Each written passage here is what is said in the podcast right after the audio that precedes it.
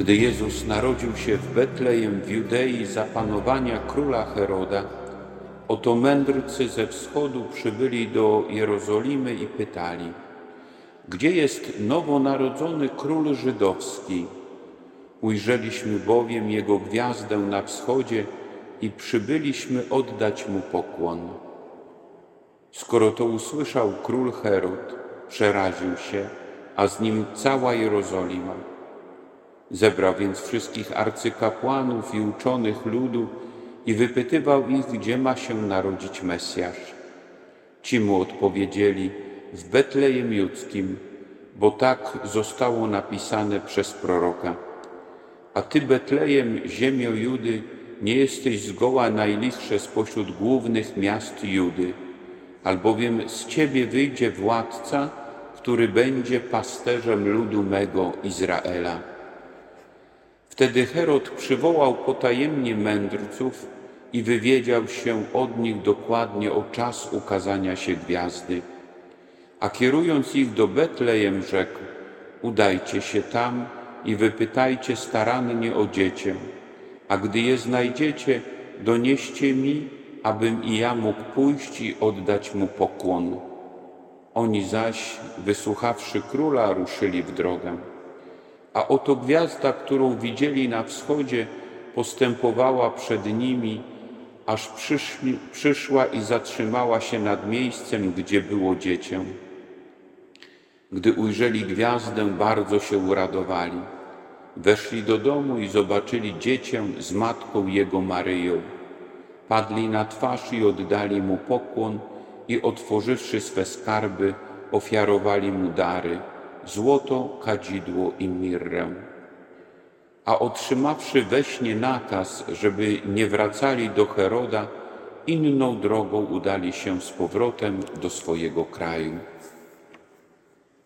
Bardzo piękna i bardzo ważna jest ta uroczystość objawienia Pańskiego. I to, co pozwala nam odkrywać tajemnicę tej uroczystości, to jest Słowo Boże skierowane do nas ten szczególny dzień. Piękny opis Ewangelii świętego Mateusza, który przedstawia nam pewne wydarzenia, przynajmniej tak by się wydawało, pewne wydarzenia historyczne, jest e, tekstem zupełnie jakby innym, bo my mamy tendencję do tego, że czytamy Ewangelię w sposób e, jak kronikę historyczną. Wszystkie wydarzenia, które zostały opisane, my czytamy i próbujemy sobie je przyswoić jako pewne fakty historyczne. Tymczasem Ewangelie, a szczególnie Ewangelia świętego Mateusza, pisana dla narodu żydowskiego, jest pełna znaków, obrazów, które odnoszą się do całej historii Izraela.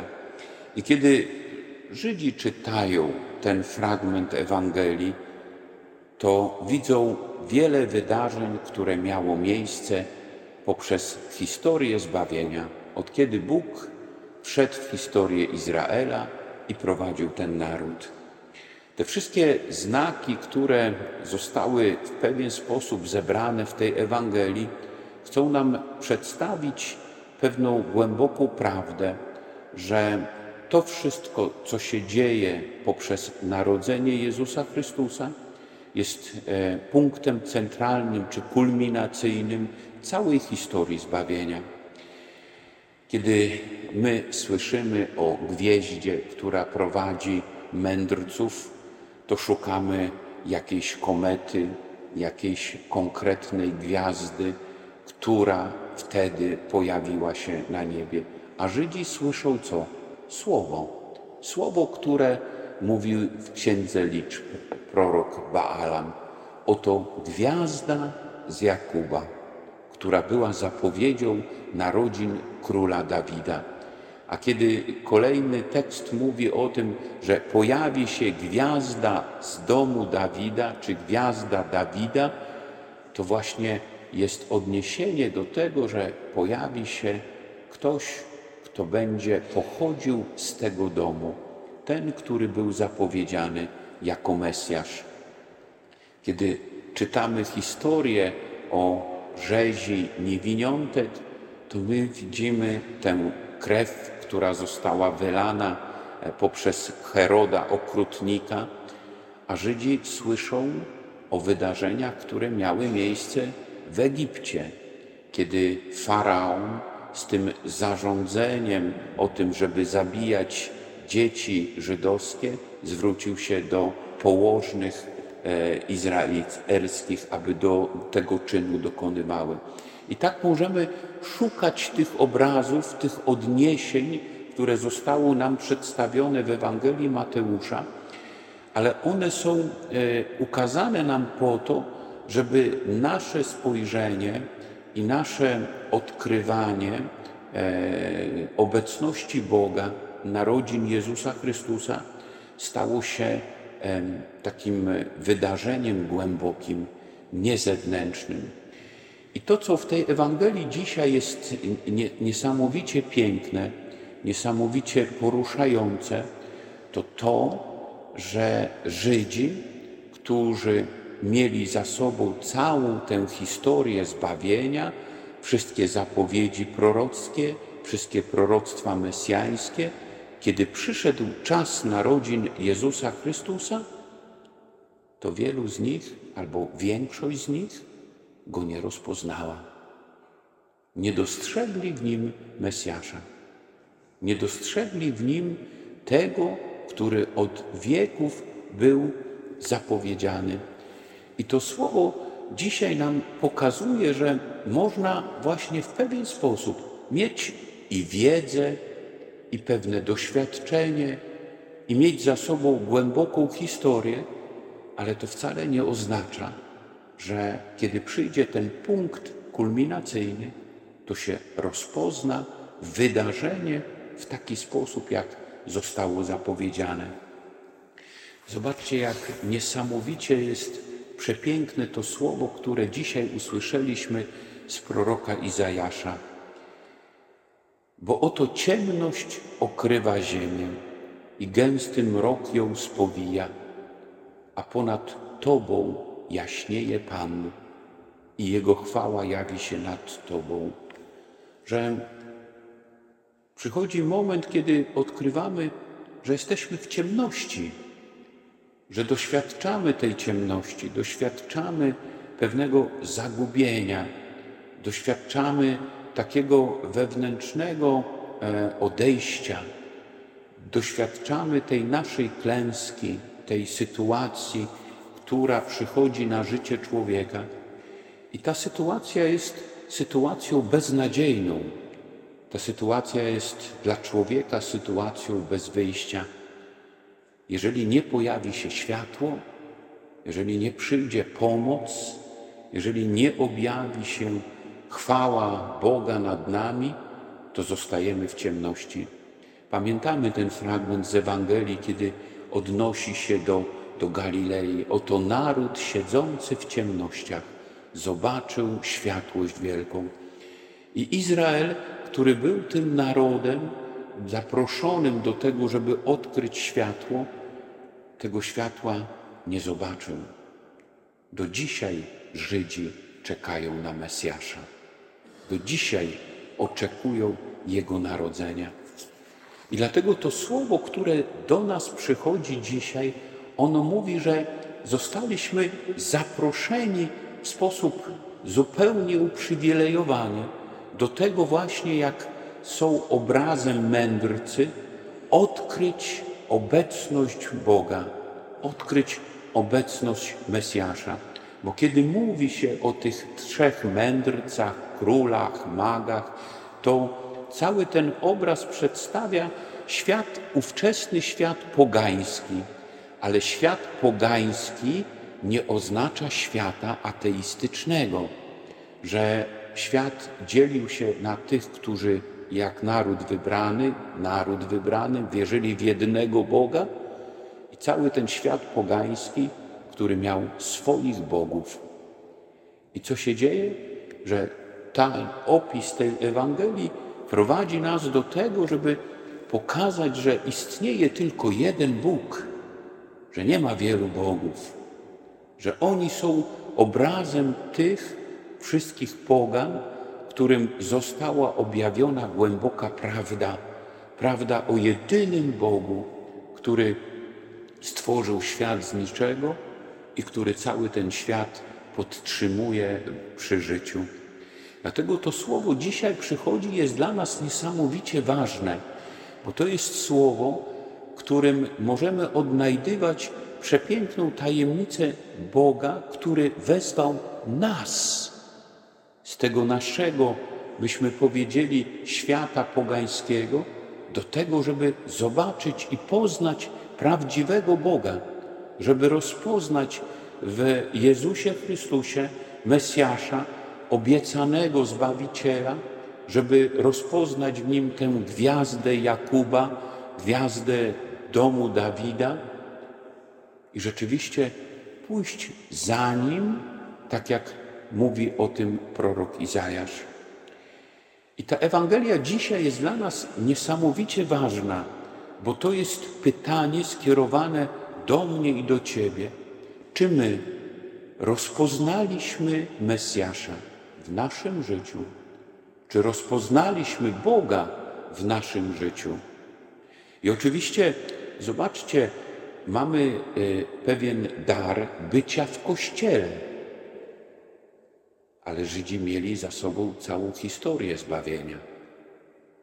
Mieli za sobą proroctwa, byli narodem wybranym, ale to wcale nie oznacza, że rozpoznali obecność Zbawiciela. I teraz my mamy sobie dzisiaj postawić to samo pytanie. Jestem w kościele. Zostałem włączony w ten nowy naród wybrany, do tego nowego narodu, który e, Bóg w sposób przedziwny wybrał, tego potomstwa Abrahamowego. Ale czy ja rozpoznałem Jezusa? Czy rozpoznałem Boga w moim życiu? Bo to nie jest kwestia tego, żeby powiedzieć, że Jezus jest Zbawicielem. To nie jest kwestia tego, żeby powiedzieć, ja w Niego wierzę. To nie jest kwestia tego, że by, byśmy mogli stwierdzić, należę do Kościoła, bo zostałem ochrzczony. Ale prawdziwe rozpoznanie Boga, prawdziwe rozpoznanie Mesjasza, to jest pójść za Jezusem, tę samą drogą, którą On szedł mieć tego samego ducha, którego miał Jezus Chrystus. Bo to słowo, zobaczcie, dzisiaj mówi: Ponad Tobą jaśnieje Pan i Jego chwała jawi się nad Tobą, i pójdą narody do Twojego światła. Jakie jest to nasze światło? Czy narody idą do naszego światła? Czy my jesteśmy obrazem tego światła?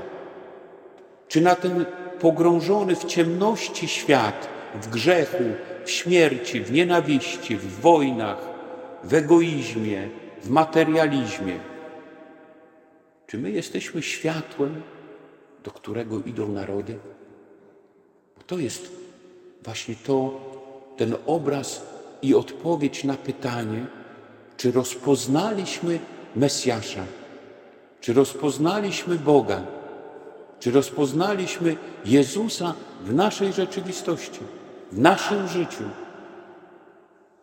Bo jeżeli my nie jesteśmy światłem, jeżeli my nie jesteśmy tym światłem, do którego, jak mówi prorok Izajasz, idą narody, to może stało się tak jak z Żydami. Wiedzieli wszystko. Mesjasz się ma narodzić w Betlejem, z domu Dawida i wiele innych mieli informacji na ten temat, ale na końcu okazało się, że go nie rozpoznali.